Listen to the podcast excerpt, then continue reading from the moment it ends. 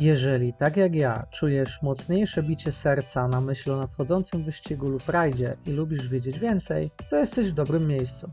Nazywam się Oktawian i zapraszam na Motorsport wieczorową porą.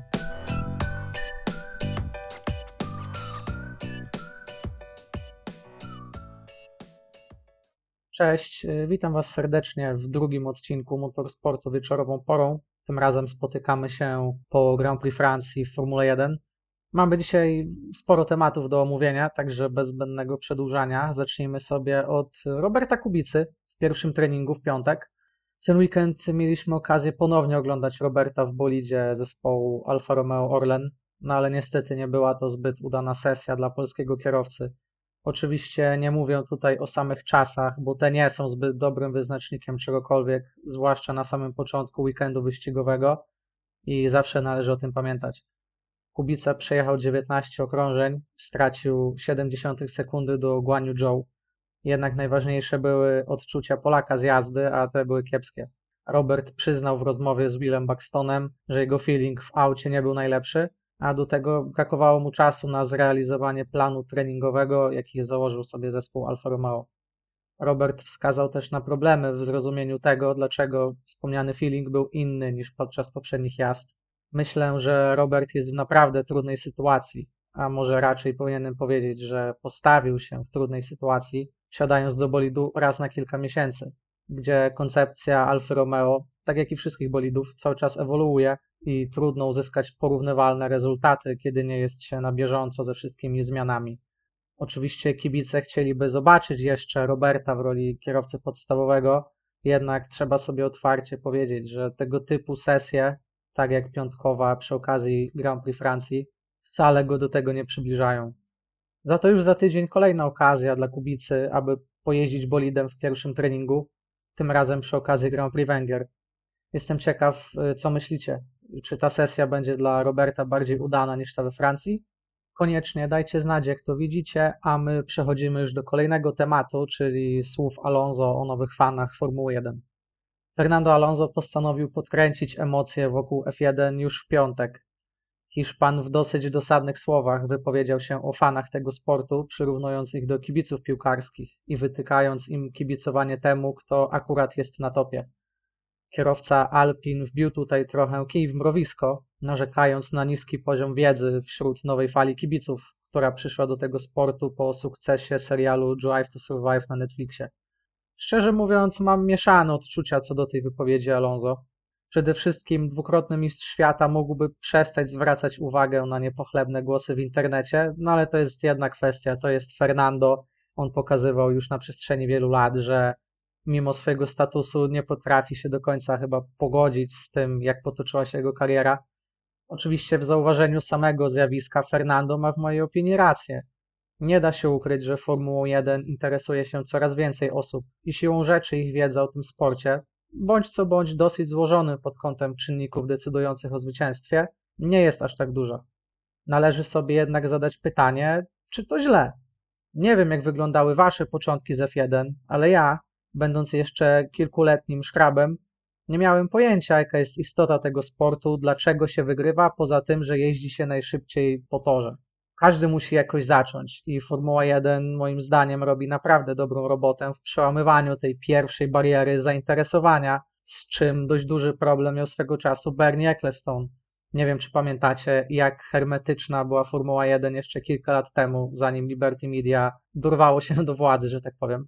Jeśli ktoś zostanie w tym sporcie na dłużej, to prędzej czy później jego wiedza będzie się poprawiać. No chyba, że jest naprawdę kompletnym ignorantem, ale na to już nie da się nic poradzić. Uważam, że do rozwoju każdego sportu potrzebni są nowi kibice, napływ świeżej krwi, bo to przyciąga sponsorów. Sponsorzy przynoszą ze sobą pieniądze, a te przekładają się, wbrew temu, co inni mogliby sądzić, na coraz lepszą jakość danego sportu. Dajcie koniecznie znać w komentarzach, co wy sądzicie o słowach Alonso. Czy jesteście starszymi fanami tego sportu, czy pochodzicie właśnie z nowej fali, Jestem bardzo ciekaw przede wszystkim głosów osób, które zaczęły interesować się Formułą 1 właśnie przez serial Drive to Survive jak one odbierają te słowa Fernando i czy uważają, że mają one sens.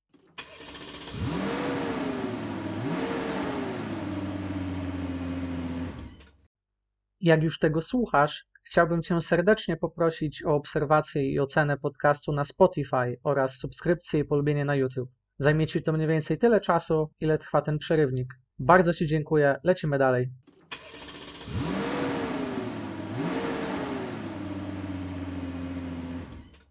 Świeżo po wybuchu silnika Carlosa Sainza w Grand Prix Austrii było wiadomo, że Hiszpan zaliczy przynajmniej jeden problematyczny weekend przed wakacyjną przerwą. Ferrari musiało wymienić komponenty w jego jednostce napędowej albo we Francji, albo na Węgrzech. Z dwojga złego Tor Paul Ricard bez wątpienia jest lepszym miejscem na startowanie z końca stawki niż Hungaroring, znany jako Monaco bez barier. W miarę upływu czasu okazało się, że Sainz naprawdę dobrze sobie radzi we Francji. Śmiem twierdzić, że gdyby nie przyjęta kara, to mógłby walczyć nawet o pole position. Oczywiście w obecnej sytuacji jego rolą w Q3 było podciąganie na prostej Charlesa Leclerca. Carlos był głównym faworytem do zrobienia nam ciekawego wyścigu w niedzielę, a później rozbił się Charles Leclerc. Szczerze mówiąc nie wiem, od czego mam zacząć mój wywód na temat Ferrari, które ponownie kompletnie się posypało. Jest to dla mnie nieprawdopodobne, ile razy mówiliśmy już o klątwie tego zespołu, a cały czas możemy dopisywać nowe rozdziały do tej księgi. Zacznę chyba od Carlosa, który zgodnie z przewidywaniami zapewnił nam dosyć ciekawą akcję na torze.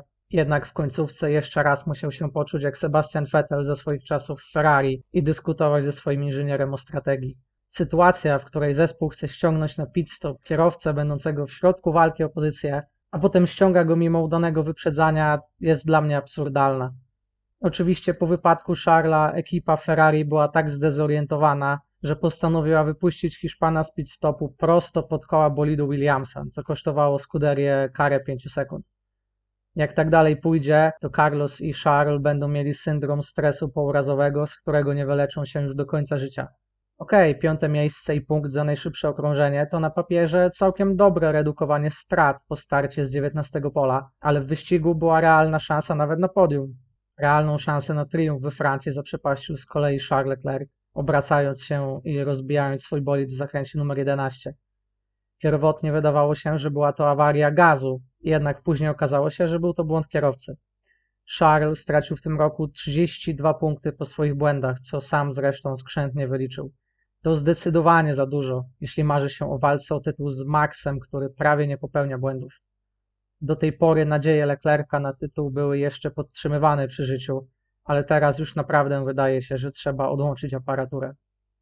Dla dobrego oddania skali przewagi Verstappena na tym etapie sezonu, Holender może dojeżdżać na drugiej pozycji w każdym wyścigu do końca roku, a Leclerc może wygrać je wszystkie i nawet wtedy zawodnik Red Bulla i tak zgarnie tytuł. Kurtyna. Po wypadku Leclerca Max Verstappen miał prostą drogę do zwycięstwa, a pozostałe miejsca na podium zapełnili kierowcy Mercedesa, jeszcze raz potwierdzając, że ich tempo wyścigowe jest o wiele lepsze od kwalifikacyjnego. Warto zaznaczyć, że było to pierwsze podwójne podium mistrzowskiej ekipy w tym sezonie. W rzeczywistości walka nie była jednak tak łatwa. Hamilton cały wyścig jechał bez dostępu do napoju. Jakby to powiedział inżynier wyścigowy Raikkonena, Lewis, you'll not have the drink. Russell musiał za to mocno walczyć z Sergio Perezem, który pojechał jeden z najbardziej bezbarwnych weekendów w swojej karierze dla Red Bulla. Myślę, że wszyscy zgodzą się ze mną, że pierwszy atak George'a do szykany był grubo przesadzony. Tymczasem Russell wykłócał się przez radio ze swoją ekipą do tego stopnia, że musiał interweniować sam Toto Wolff. Rozumiem emocję tego kierowcy, ale w takich sytuacjach myślę sobie, że być może Brytyjczyk faktycznie nie byłby jeszcze mentalnie gotowy na walkę o tytuł, skoro przesadzony manewr na kilka okrążeń przed końcem wyścigu wywołuje u niego taką frustrację. I mówię to jako osoba, która nigdy nie odbierała Russellowi umiejętności ani talentu. Tym bardziej, że ostatecznie udało mu się wyrwać miejsce na podium z rąk Pereza. Meksykanin totalnie zaspał przy końcu wirtualnej neutralizacji. W rozmowie z mediami tłumaczył się, że od wyświetlania komunikatu o zakończeniu VSC do zielonej flagi powinno minąć 10 do 15 sekund, a w rzeczywistości była to prawie minuta. Pozwólcie, że skomentuję to krótko. Russell nie zaspał. Na sam koniec tego podcastu chciałbym powiedzieć jeszcze kilka słów podsumowujących występ Francuzów na ich ojczystej ziemi. Pierre Gasly przeżywał prawdziwy roller coaster ten weekend. Poprawki w bolidzie Alfa Tauri dawały mu sporą nadzieję na dobry występ. W piątek bez najmniejszego problemu łapał się on do pierwszej dziesiątki podczas treningów. Tymczasem w sobotę wszystko się posypało. Pierre narzekał na ogólny brak wszczepności i nie potrafił zrozumieć, co sprawiło, że stracił przez noc ponad pół sekundy. Jego nadzieje na wejście do Q3 spełzły na niczym i kierowca Alfa Tauri odpadł już w Q1. Natomiast w wyścigu Pierre był absolutnie bezbarwny i w pamięć mogła zapaść jedynie jego próba wyprzedzania do szykany na prostej Mistral, gdzie Francuz przedobrzył i pojechał prosto. Nie widać było tych poprawek w bolidzie Alfa Tauri. U Estebana Ocona chciałbym powiedzieć, że stabilnie, ale wręcz przeciwnie. Ocon w sesji kwalifikacyjnej także nie miał łatwego życia, przegrywając z Fernando Alonso akurat przed swoją publicznością. Po tym występie kierowca Alpin zaczął się doszukiwać fundamentalnych problemów w swoim bolidzie. Mieliśmy już takich historii bardzo wiele w przeszłości i rzadko pomagała tutaj nawet wymiana całego nadwozia. Bardzo często siedzi to po prostu w głowie. Esteban zakwalifikował się do wyścigu na 12 pozycji. No i oczywiście startował dziesiąty po karach dla Carlosa Sainza i Kevina Magnusena. Już na pierwszym okrążeniu zarobił 5 sekund kary za obrócenie Yukiego Tsunody. Później udało mu się utrzymywać w wyścigu przy McLarenach i ostatecznie zająć ósme miejsce. Wciąż nie był to najlepszy popis Estebana w tym roku, ale postarał się o bardzo cenne punkty dla Alpin w walce z McLarenem o czwarte miejsce w klasyfikacji konstruktorów. To już wszystko w drugim odcinku Motorsportu wieczorową porą. Omówiliśmy sobie wybrane wydarzenia z być może ostatniego Grand Prix Francji na dłuższy czas, bo kontrakt Tolu Paul Ricard kończy się po tym sezonie. Jak podobał Wam się wyścig? Fani Ferrari, trzymacie się jeszcze? Zachęcam do dyskusji. Przypominam, że za tydzień Grand Prix Węgier. Do następnego. Hej!